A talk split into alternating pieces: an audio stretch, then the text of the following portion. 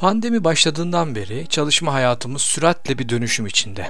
Ben de bu dönemde size hem blogumda hem podcastımda birçok defalar bu konuyla ilgili ulaştım, görüşlerimi paylaştım, bazı bilgiler paylaştım.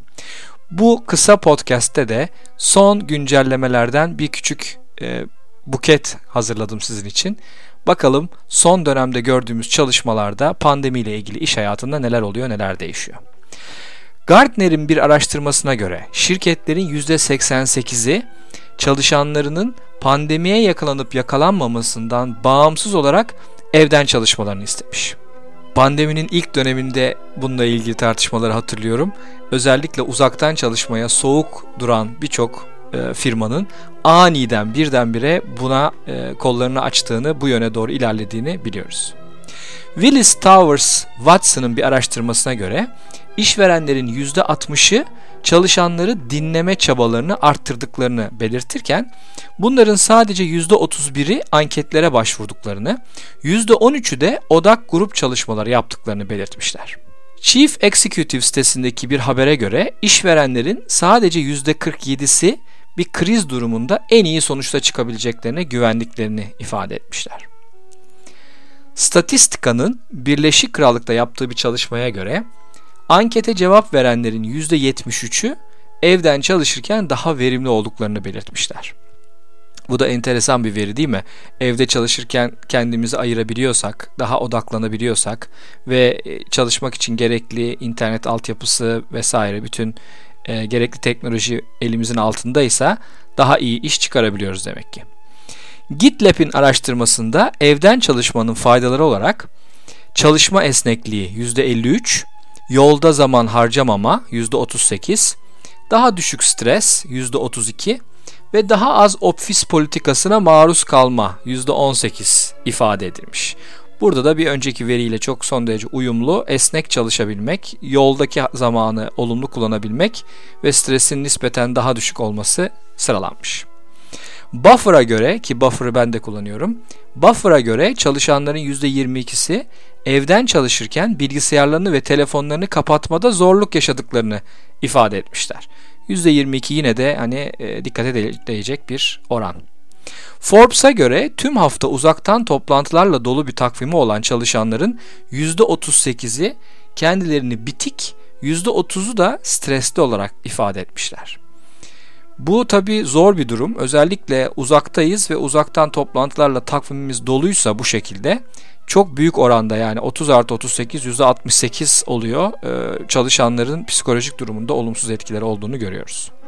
Harvard Business Review'da çıkan bir yazıya göre pandeminin başından beri çalışanların %75'i kendilerini daha uzaklaşmış ve izole edilmiş, %57'si daha yüksek stres içinde, %53'ü de duygusal olarak bitik olarak ifade etmişler. Bununla ilgili ben yine bir webinarımda konuşmuştum. Ee, insanlar dörtte üçü yani çalışanların neredeyse dörtte üçü kendilerini uzakta izole edilmiş, dışlanmış hissediyorlar. Yüksek stres içinde hissediyorlar ve bu da gerçekten çalışan bağlılığını olumsuz etkileyen bir parametre. Eagle Hill danışmanlığın bir çalışmasına göre çalışanların %45'i kendilerini aşırı yüklenmeden güçleri tükenmiş olarak tanımlamışlar. Yani aslında bir taraftan uzaktayız, esneyiz ama bir taraftan da neredeyse çalışanların yarısı aşırı yükleniyor bana gibi bir tepki göstermişler. Buna da özellikle bakmak lazım.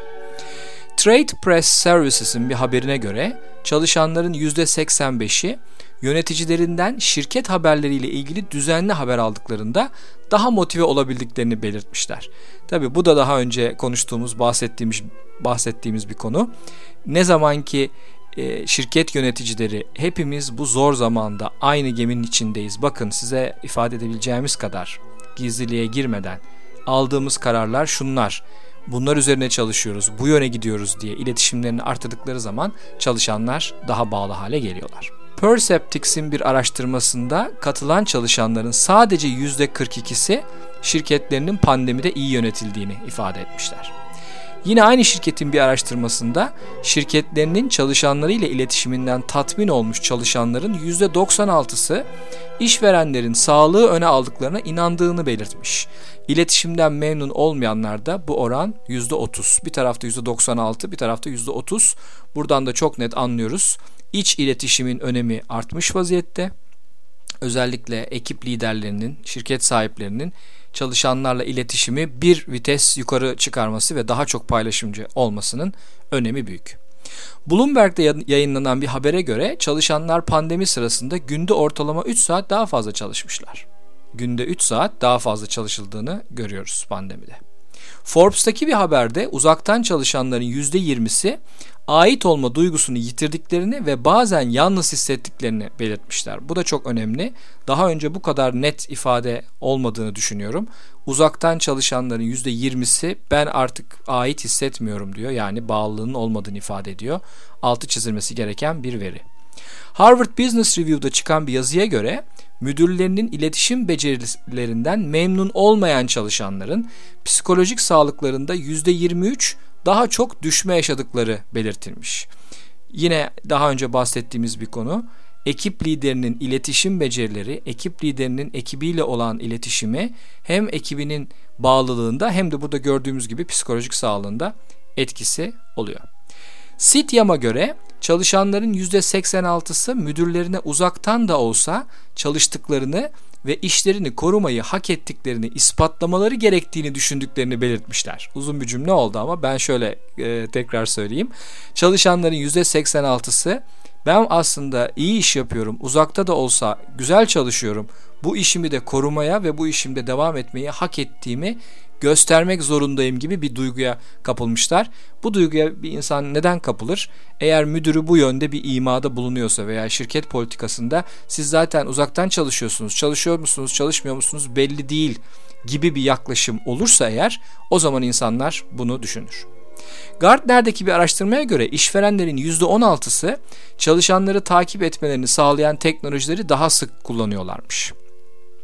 Bu teknolojiler eğer çalışanların iletişimin içine giriyorsa, is, ismen neler yazıldığına bakılıyorsa, işte ekranda hangi sitelere doğru gidildiğini, ne, nerede ne kadar vakit harcandığına bakılıyorsa ben prensip olarak bunlara karşıyım. Bunlarla ilgili ayrıca bir e, podcast yapılabilir. Harvard Business Review'da çıkan bir yazıya göre çalışanların %90'ı pandemi ile ilgili müdürlerinden daha sık iletişim beklediklerini ifade etmişler. Yine konuştuğumuz gerçekliğin tekrar çalışmaya dönmüş hali. Edelman güven barometresine göre neredeyse her 3 çalışandan biri işverenine güvenmiyormuş. Harvard Business Review'un bir anketinde çalışanların %53'ü pandeminin başından beri kendilerini daha bitik hissettiklerini belirtmişler. Yani çalışanların yarısı pandeminin başından beri daha düşük enerjili, daha kötü hissettiklerini ifade etmişler ki çok yüksek bir oran. Bağımsız çalışanların Amerikan ekonomisine yaklaşık 500 milyar dolar olumsuz etkisi hesaplanmış. Bunu da daha önceden paylaşmıştık. Bağımsız olarak tanımlanan çalışanların maaşlarının üçte biri çöpe gidiyor. SHRM'nin bir anketine göre çalışanların sadece %29'u kariyer fırsatlarını yeterli buluyormuş. Korn Ferry'nin anketine göre işlerinden ayrılan çalışanların üçte biri sıkıntıyı işten ayrılmaları için ana sebep olarak belirtmişler. Yani çalışanlar sıkılıyorlar. Forbes'a göre seslerinin duyulduğunu hisseden çalışanların performanslarını yükseltme ihtimali 4.6 kat daha fazla olarak hesaplanmış. Yani e, iş sahipleri, ekip liderleri çalışanları duydukları zaman performans yükselmesiyle ilgili önemli bir katkı sağlayabilirler. Tüm bu gerçeklerle yeni bir dünyaya doğru ilerliyoruz ki bu dünyada çalışanları dinleyen, anlayan, takdir eden, iletişimini arttıran, gelişimini yaratan ve takip eden kültürler çok daha çekici olmayı sürdürecek. Bu podcast'te size birçok referans, birçok çalışma adı, birçok firma adı söyledim. Eğer bu çalışmalar nedir, bunlara nereden ulaşabiliriz diyorsanız blogumda bu yazının metin hali ve bütün bu çalışmaların linkleri mevcut. Yani www.bertayfişekçi.com slash blog blog adresine giderseniz bu yazıyı ve bütün bu linkleri bulabilirsiniz. Görüşmek üzere.